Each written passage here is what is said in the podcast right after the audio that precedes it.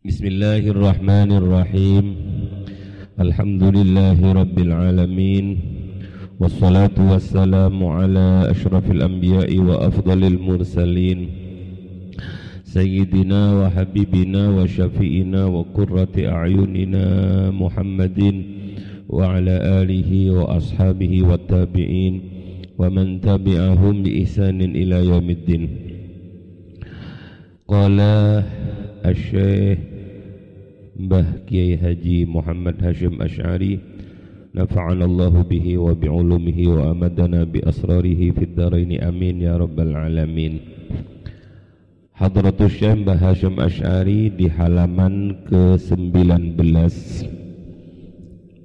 Alinea kedua dari bawah menukil dawuh sebagian ulama salaf Wa qala lan dawuh sapa ba'dus salafi sebagiani ulama salaf. Dawuhnya khairul mawahibi al-aqlu wa syarrul masaibi al-jahlu. Khairul mawahibi utawe piro-piro utawe luweh bagus-bagusi piro-piro peparing utawi luwih bagus-bagusi pira-pira peparing iku al-aqlu akal. Iku al-aqlu akal. Wa syarrul masaibi utawi luwih elek-eleke pira-pira musibah iku al-jahlu bodoh. Iku al-jahlu bodoh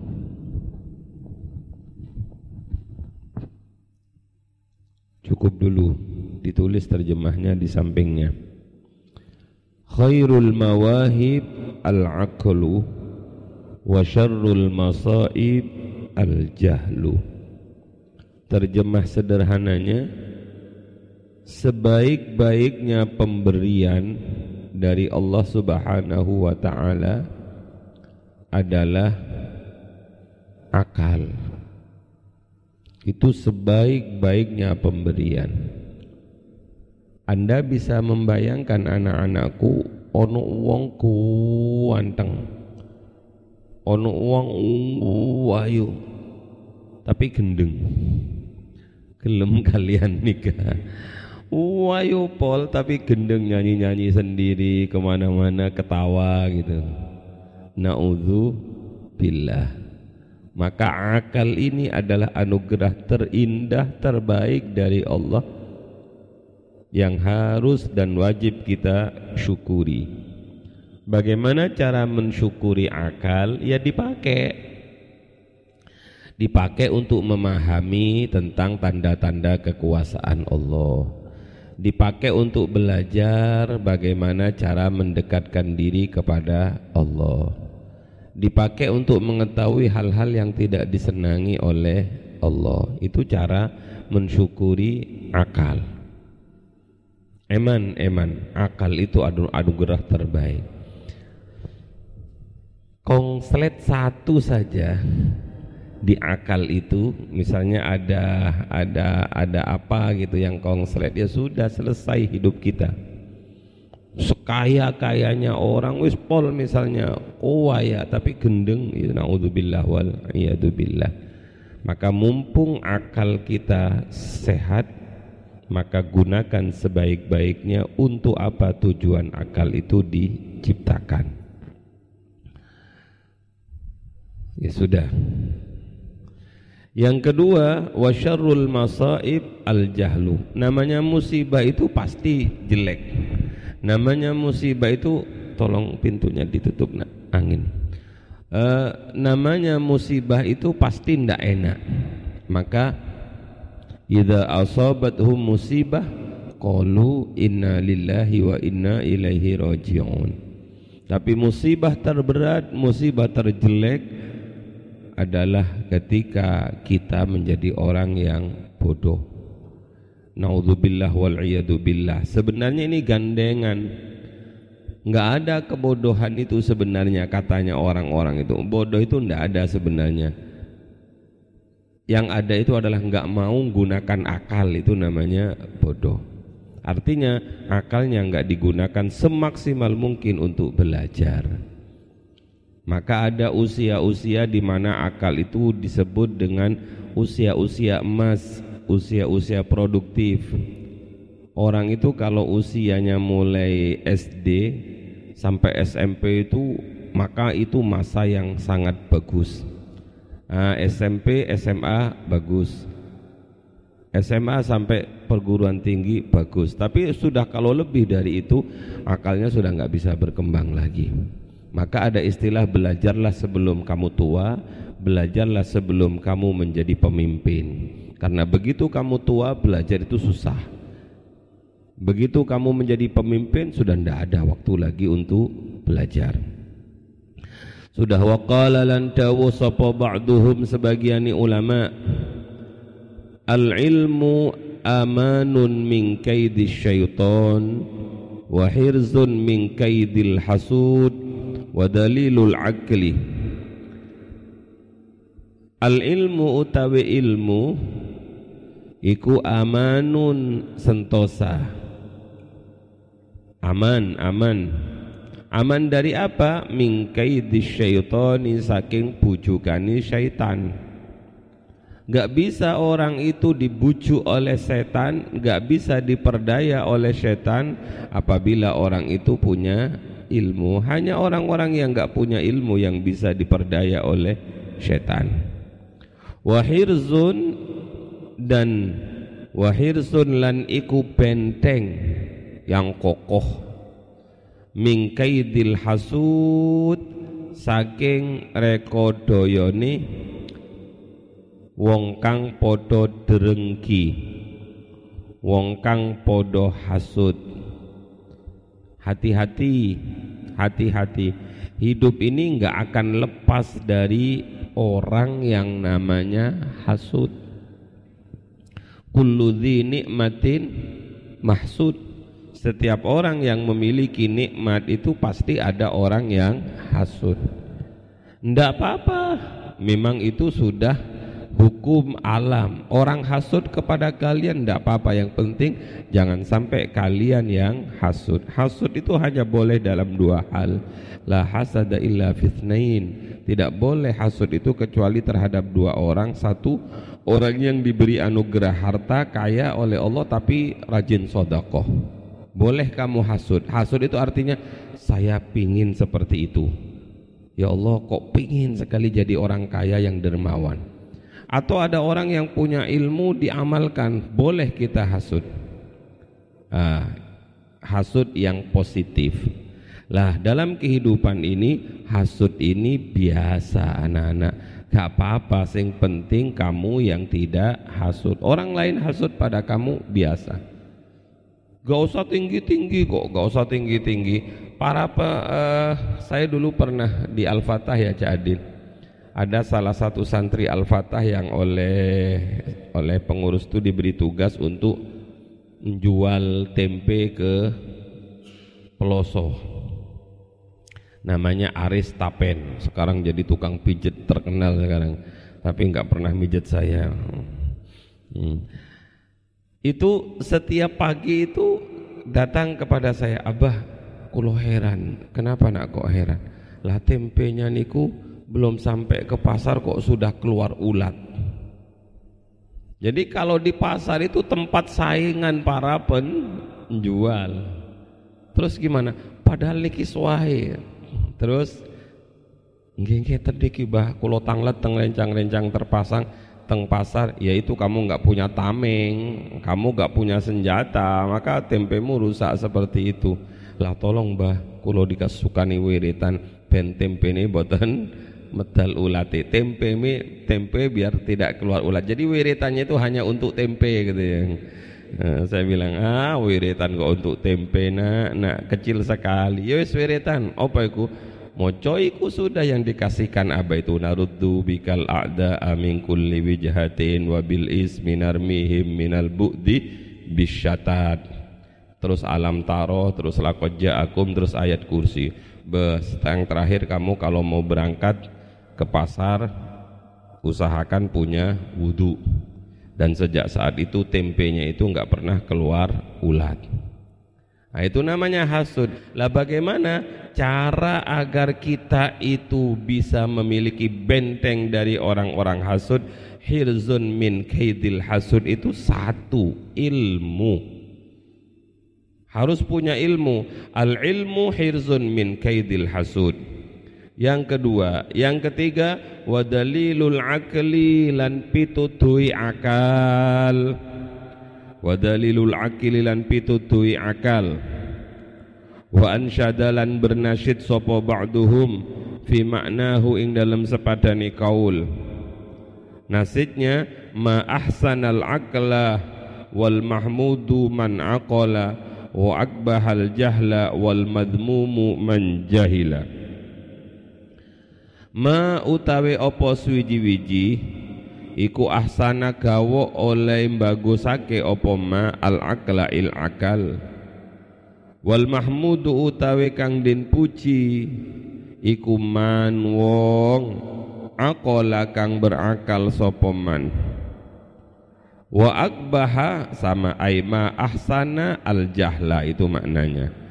Gawa oleh uh, ngeleake apa ma al jahla ing bodoh wal madmumu man jahila wal madmumu utawi kang den cacat iku man wong jahila kang bodoh sapa man naudzubillah naudzubillah sudah sederhana di kampung-kampung itu biasanya yang duduk di depan itu siapa? Yang bodoh apa yang punya ilmu? Iya. Makanya ilmulah yang akan menjadikan orang itu mulia. Falaisa mungko falaisa yasluhu natkul mar'i fi jadal wal jahlu yufsiduhu yauman idza suila.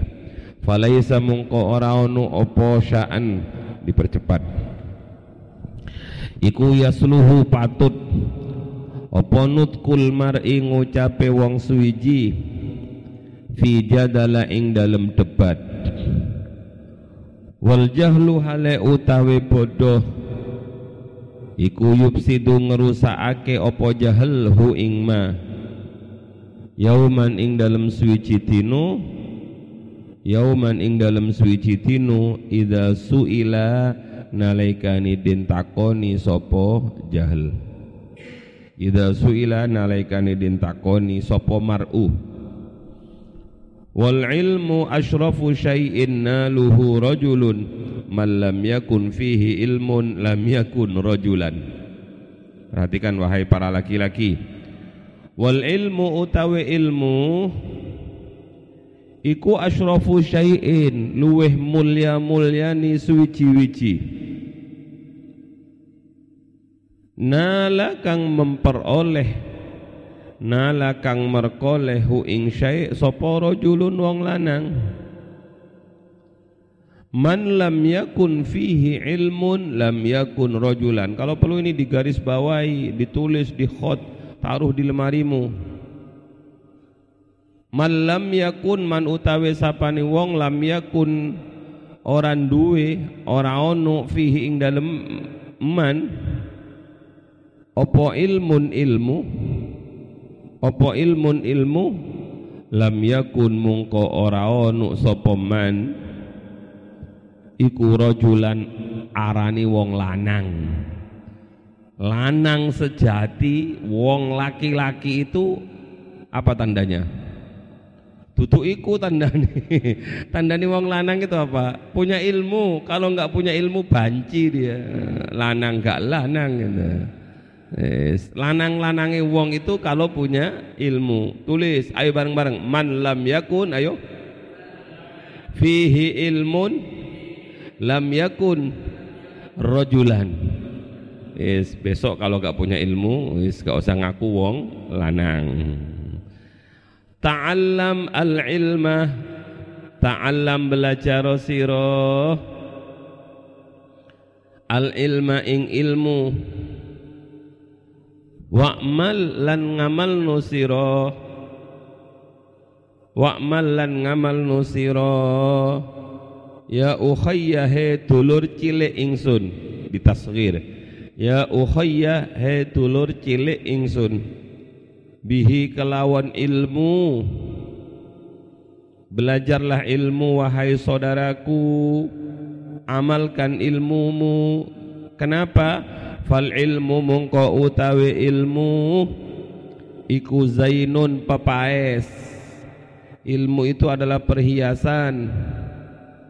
Liman ing wong bil ilmi kelawan ilmu. Bil ilmi kelawan ilmu iku kot amila teman-teman ngelakoni sopo sopo man. Cukup.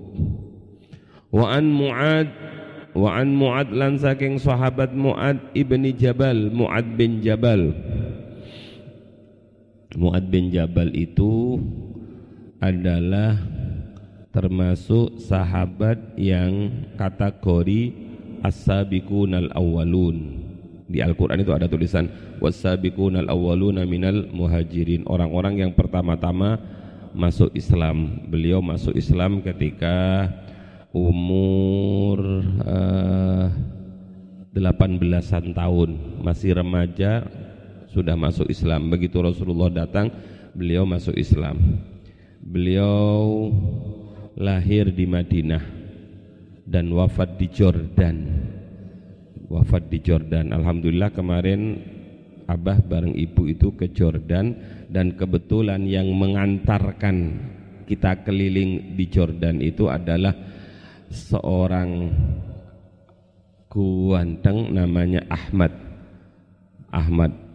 Dia gaid itu loh. Ternyata gaidnya di Jordan itu enggak uh, main-main. Sering duduk bareng saya. Kemudian saya bercerita tentang Muad bin Jabal. Saya pingin sekali ke makomnya Muad bin Jabal tapi karena waktunya terbatas gak sampai. Kemudian beliau bisi saya mohon maaf saya ini adalah keturunan Jabal. Jadi marga dia adalah Jabal. Jadi dia silsilahnya ke atasnya adalah Mu'ad bin Jabal.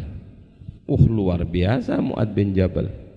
Mu'ad bin Jabal itu satu-satunya sahabat yang pernah ketika Rasulullah wafat Mu'ad bin Jabal berada di Yaman. Karena Mu'ad bin Jabal diutus menjadi gubernur Yaman saat Rasulullah wafat di Madinah, Muad bin Jabal itu mendengar suara, "Hei Muad, enak sekali kamu di sini, kekasihmu wafat." Terbangun Muad, kemudian dia yakin kalau itu adalah betul. Maka beliau mengambil kuda, memacu kudanya menuju Madinah. Sayang sekali beliau tidak nututi pemakaman Rasulullah. Beliau langsung ke rumahnya Sayyidatina Fatimah. Begitu tok-tok-tok pintu Sayyidah Fatimah dari dalam mengatakan Sinten siapa yang di luar? Saya ning Mu'ad. Sayyidatina Fatimah tidak membuka pintu itu. Dari dalam rumah beliau berkata Selamat datang wahai sahabatnya ayahku orang yang paling mengerti orang yang paling alim tentang halal haram. Jadi gelarnya Muad bin Jabal itu adalah orang yang paling alim, paling paham tentang halal dan haram. Hebatnya Muad bin Jabal. Maka kalau kalian belajar usul fikih, Muad bin Jabal ini adalah tokoh ijtihad pertama. Karena ketika Rasulullah ngutus Muad ke Yaman, Rasulullah ngetes Muad, nanti kalau kamu di Yaman dengan apa kamu menghukumi sebuah permasalahan? Ya tentu saya akan menghukumi dengan Al-Quran. Kalau di Quran nggak ketemu saya akan menghukumi dengan dawuh-dawuh jenengan hadis. Kalau di hadis juga nggak ketemu ajtahidu ra'yi wala alu saya akan berijtihad semampu saya ya Rasul dan saya tidak akan melenceng dalam ijtihad saya maka fadharaba Rasulullah sadrahu maka Rasulullah menepuk apa itu dadanya Muad sambil berkata alhamdulillahilladzi waffaqa rasul rasulillah Segala puji hanya bagi Allah yang telah memberi taufik kepada utusannya Rasulullah. Rasulullah Rasulillah, yakni Mu'ad. Saking hebatnya Mu'ad bin Jabal. Nah, suatu saat Mu'ad bin Jabal masuk ke makam Rasulullah. Di samping makam Rasulullah, Mu'ad bin Jabal nangis. Nangis sesengguhan. Datang Sayyidina Umar, "Ma yubkika ya Mu'ad? Apa yang menjadikan engkau menangis wahai Mu'ad?"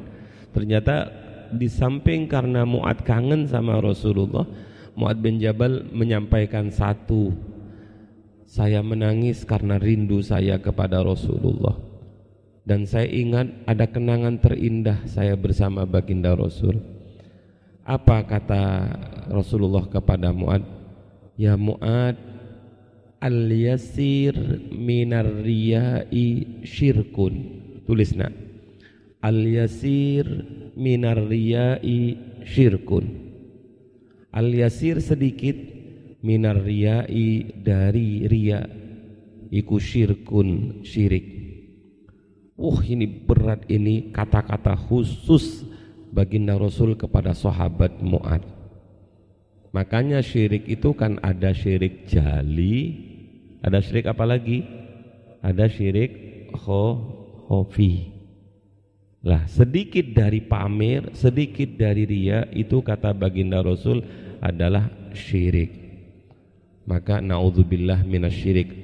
Mudah-mudahan kita dilindungi oleh Allah dari yang namanya syirik. Lah Muad bin Jabal. Muad bin Jabal itu juga disebut Abu Abdurrahman. Saya sempat mencatat bahwa Muad bin Jabal itu usianya tidak lama, hanya 33 tahun jadi beliau seorang yang tidak terlalu lama di dunia, tapi luar biasa. Luar biasa sumbangannya dalam dunia ijtihad, sumbangannya dalam dunia keadilan, sumbangannya dalam dunia pemerintahan. Itu Muad bin Jabal. Karena beliau lahir tahun 605 wafat 639 jadi hanya 33 tahun. Ia lebih tua saya dibandingkan Mu'ad.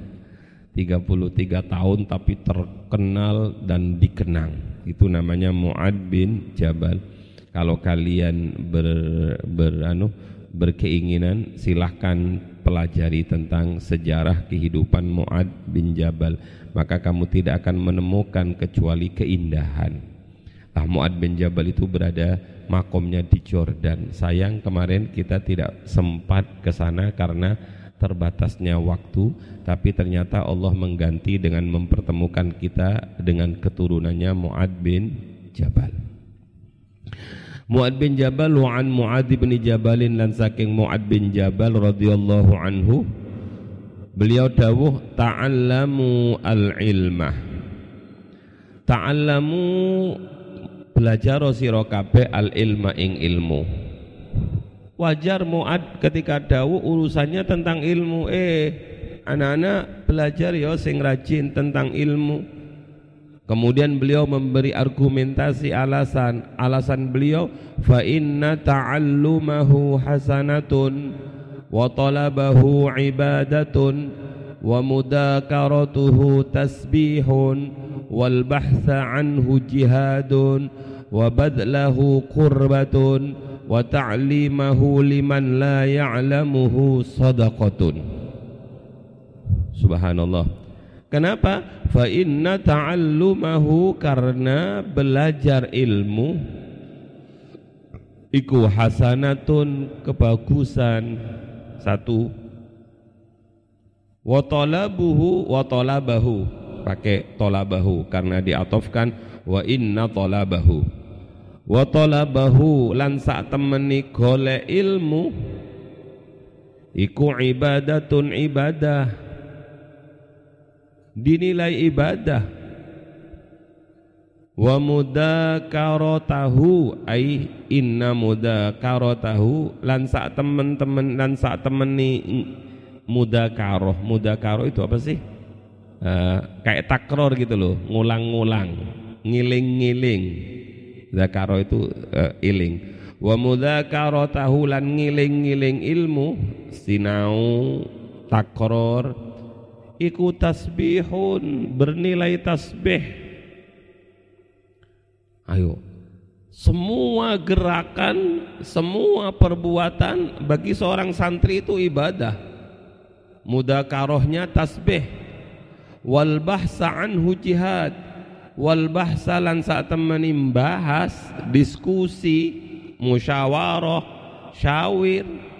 Anhu saking ilmu iku jihadun bernilai jihad.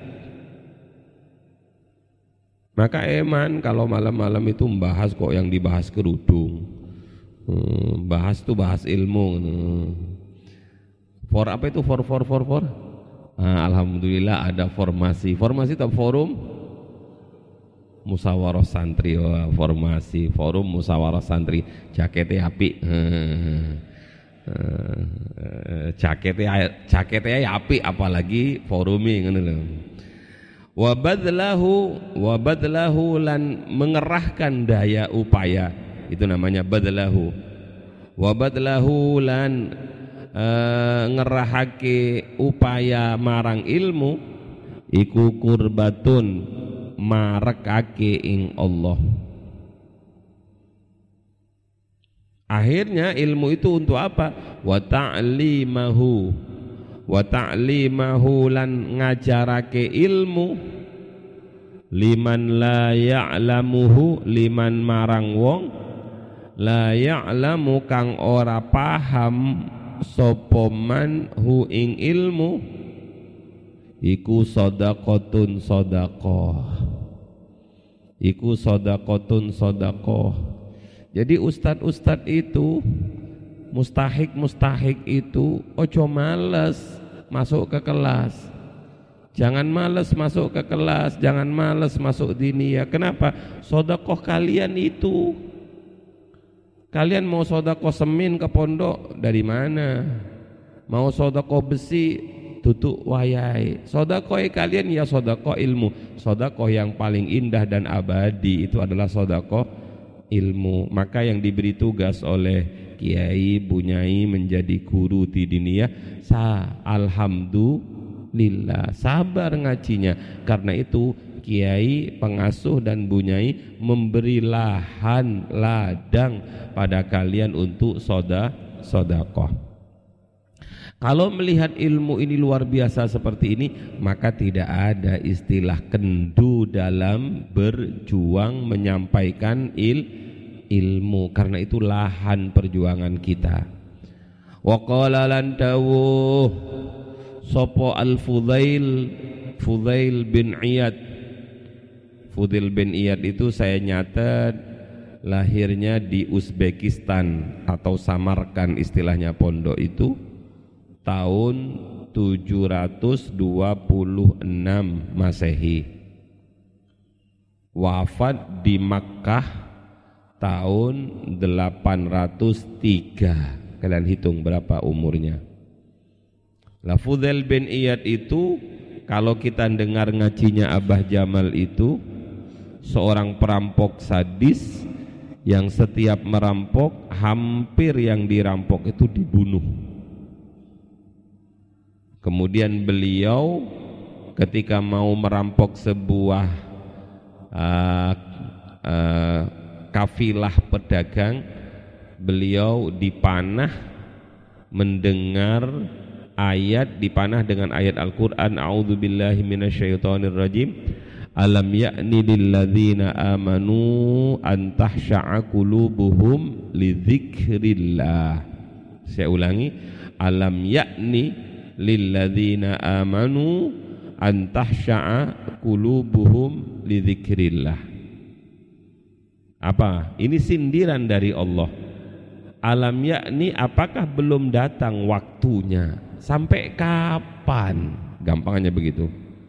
Sampai kapan kau terus-terusan seperti ini? Belumkah sudah tiba waktunya lilladina amanu bagi orang-orang yang beriman? Antah sya'akulubuhum lidzikrillah hatinya mulai khusyuk berzikir kepada Allah.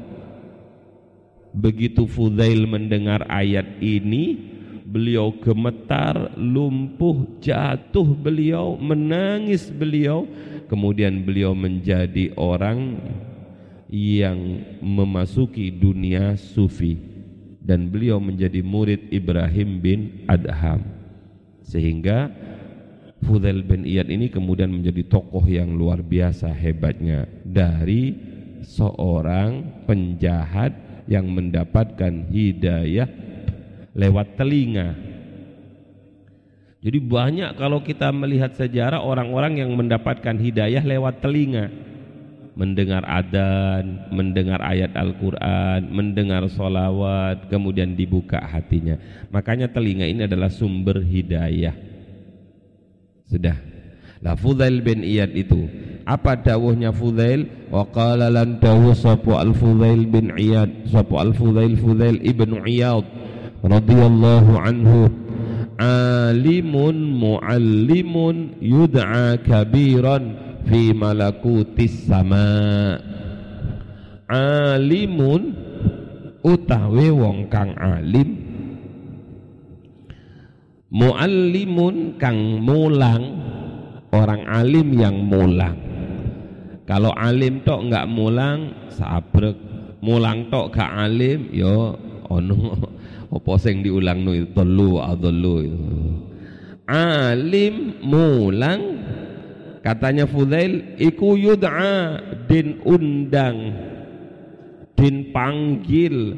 Sapa alimun muallimun kabiron ing wong kang gedhe. Kabiron ing wong kang gedhe gedhe derajate gedhe pangkate. Fi malakutis sama ing dalam alam malakuti langit. Fi malakutis sama ing dalam alam malakuti langit. Jadi anak-anakku jangan kau remehkan guru TPK Jangan kau remehkan guru TK Jangan kau remehkan guru diniyah. Itu alimun muallimun. Mungkin mereka nggak terkenal di dunia, di alam dunia mereka nggak terkenal, tapi fi alam malakuti sama mereka yud'a kabiron, orang hebat. Qala dawu sapa Sufyan Sufyan Ibnu Uyainah Ibnu Uyainah kemarin sudah kita bahas pribadi Sufyan bin Uyainah. Sufyan bin Uyainah. Sufyan bin Uyainah itu terkenal dengan istilah Syekhul Islam. Radhiyallahu anhu. Arfa'un nasi 'indallahi manzilatan man kana bainallahi wa baina ibadihi wa hum al-anbiya wal ulama yar arfa'un nasi utawi luweh luhur-luhure menungso. Luweh luhur luhuri menungsa indallahi ing dalam sandingi Allah. Apa ni manzilatan kedudukannya? Iku man wong. Kana onu sapa iku baina bainallahi ing dalam antarani Allah wa baina ibadihi lan ing dalam antarani piro-piro kawulani Allah. Wahum utawi man iku al anbiya piro nabi wal ulama lalu ulama tartib. Tartib urutannya waunya li tartib wal ulama ulan ulama jadi yang paling tinggi derajat kedudukannya ya nabi. Di bawahnya nabi ya ulama. Wa qala lan dawu sapa Sufyan aidan halimale. Lam yu'ta ahadun fid dunya syai'an afdhala minan nubuwah. Lam yu'ta ora den paringi. Sapa ahadun wong suwiji sapa ahadun wong suwiji fid dunya ing dalam dunya syai'an ing suwiji-wiji afdhala kang luwe utama apa syai' minan nubuwati dibanding derajat kenabian minan nubuwati dibanding derajat kena kenabian. Eh, kopinya disebar bagus. Minan nubuwati tenimbang derajat kenabian. Tidak ada pemberian Allah kepada seorang di dunia yang lebih utama dibandingkan derajat kenabian, pangkat kenabian. Wa ma ba'dan nubuwah wa ma lan ora ono iku ba'dan nubuwati ing dalam sawisene kenabian syai'un utawi swiji-wiji afdalu kang luwih utama minal ilmi dibandingkan ilmu wal fikhi lan faham. Wal fikhi lan faham. Fakila mungko den takokake lahu kedua Sufyan amman hada amman iku saking sinten hada utawe iki-iki dawuh. Qalan jawab sapa Sufyan hada anil fuqaha kullihim. Anil fuqaha saking piro-piro wong kang alim kullihim yo sekabehani fuqaha. Selanjutnya Mbah Hashim mengambil dawuhnya Imam Syafi'i bahwa orang alim itu wali. Orang alim itu wali. Hmm. Ojo macam-macam bareng dengan orang alim karena orang alim itu pasti wali katanya Imam Syafi'i. Mana itu? Ya maksudnya orang alim yang mengamalkan ilmunya. Wa qala lan dawu sapa imamuna imam kita rupani Asy-Syafi'i Imam Asy-Syafi'i radhiyallahu anhu illam yakun al-fuqaha'u al-amiluna bi'ilmihim awliya Allah falaysa lillahi waliyun. Illam yakun lamun ora ono sapa al-fuqaha'u pira-pira wong kang alim Al-amiluna kang padha ngamalaken ilmuni Al-amiluna kang padha ngamalake bi ilmihim kelawan ilmuni fuqaha iku aulia Allahi piro-piro walini Allah. Kalau orang alim yang mengamalkan ilmunya itu tidak berhak disebut walinya Allah. Falaisa lillahi waliyun. Falaisa mungko ora ono iku lillahi kedue Allah. Sapa waliyun wali. Sapa waliyun wali jadi ada tingkatan-tingkatan wali. Salah satunya walinya Allah itu adalah orang-orang yang alim. Yang kita biasa nanti assalamualaikum itu kan tingkatan-tingkatan wali-wali tertentu. Lah salah satu di antara tingkatan peringkat wali itu adalah orang-orang alim yang mengamalkan ilmunya. Dia juga pantas berhak disebut walinya Allah. Kalau mereka nggak pantas disebut, maka nggak usah ada wali-walian, nggak akan ada wali katanya Imam Ash-Syafi'i. Qala dawuh sapa Ibnul Mubarak Ibnul Mubarak radhiyallahu anhu. La yazalur rajulu aliman ma talabal ilmah la yazaru ora kingsir-kingsir senantiasa sapa ar-rajulu wong lanang iku aliman. Iku aliman disebut wong alim ma talaba salakini golek sapa rajul al ilma ing ilmu. Al ilma ing ilmu. Fa idza dhanna mungko nalikani nyunu sapa rajul annahu ing sak temeni rajul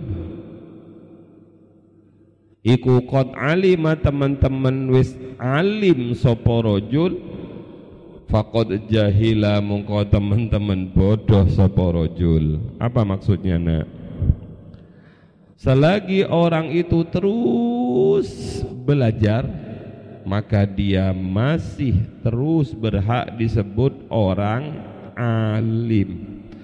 Tapi begitu dia menganggap dia adalah orang yang sudah alim, dan berhenti belajar maka sejak saat itu orang itu pindah gelarnya menjadi orang bodoh.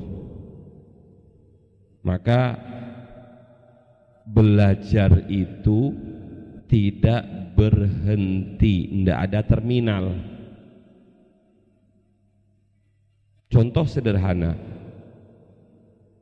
Murabbi ruhina Abah Romoki Haji Muhammad Jamaluddin Ahmad itu gak berhenti sampai hari ini beliau terus mutolaah, terus murojaah.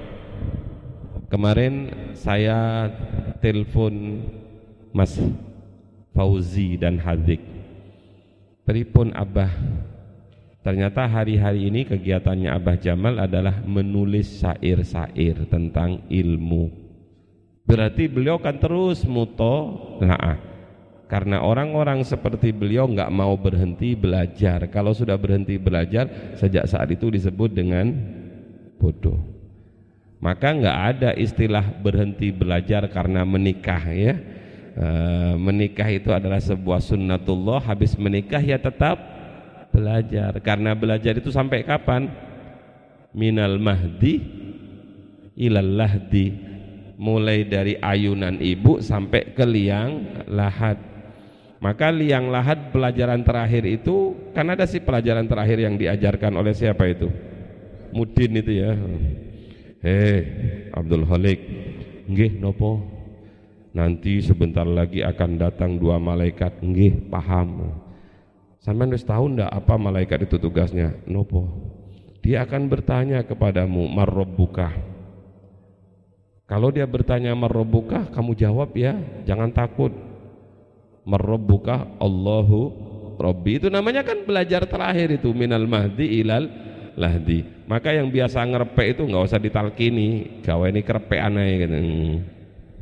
Begitu malaikatnya datang, langsung dikeluarkan kerepeannya Yes, gak usah mulai-mulai iki loh, iki loh. Pertanyaanmu iki kan gitu. Nah, malaikat itu gak berhenti, gak gak gak merubah-merubah pertanyaannya. Iki loh pertanyaanmu.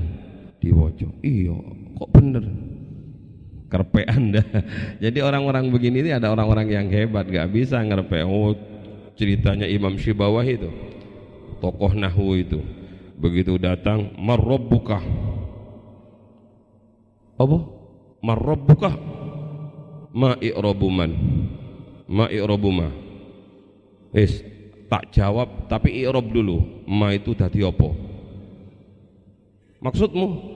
Ya kedudukan ma itu sebagai mubtada khobar atau apa. Lah malaikat malaikat benakiron itu mungkar nakir itu kan nggak pernah masuk madrasah gitu ya. Jadi begitu ditanya i'rab nggak paham. Hmm, matur nang pangeran.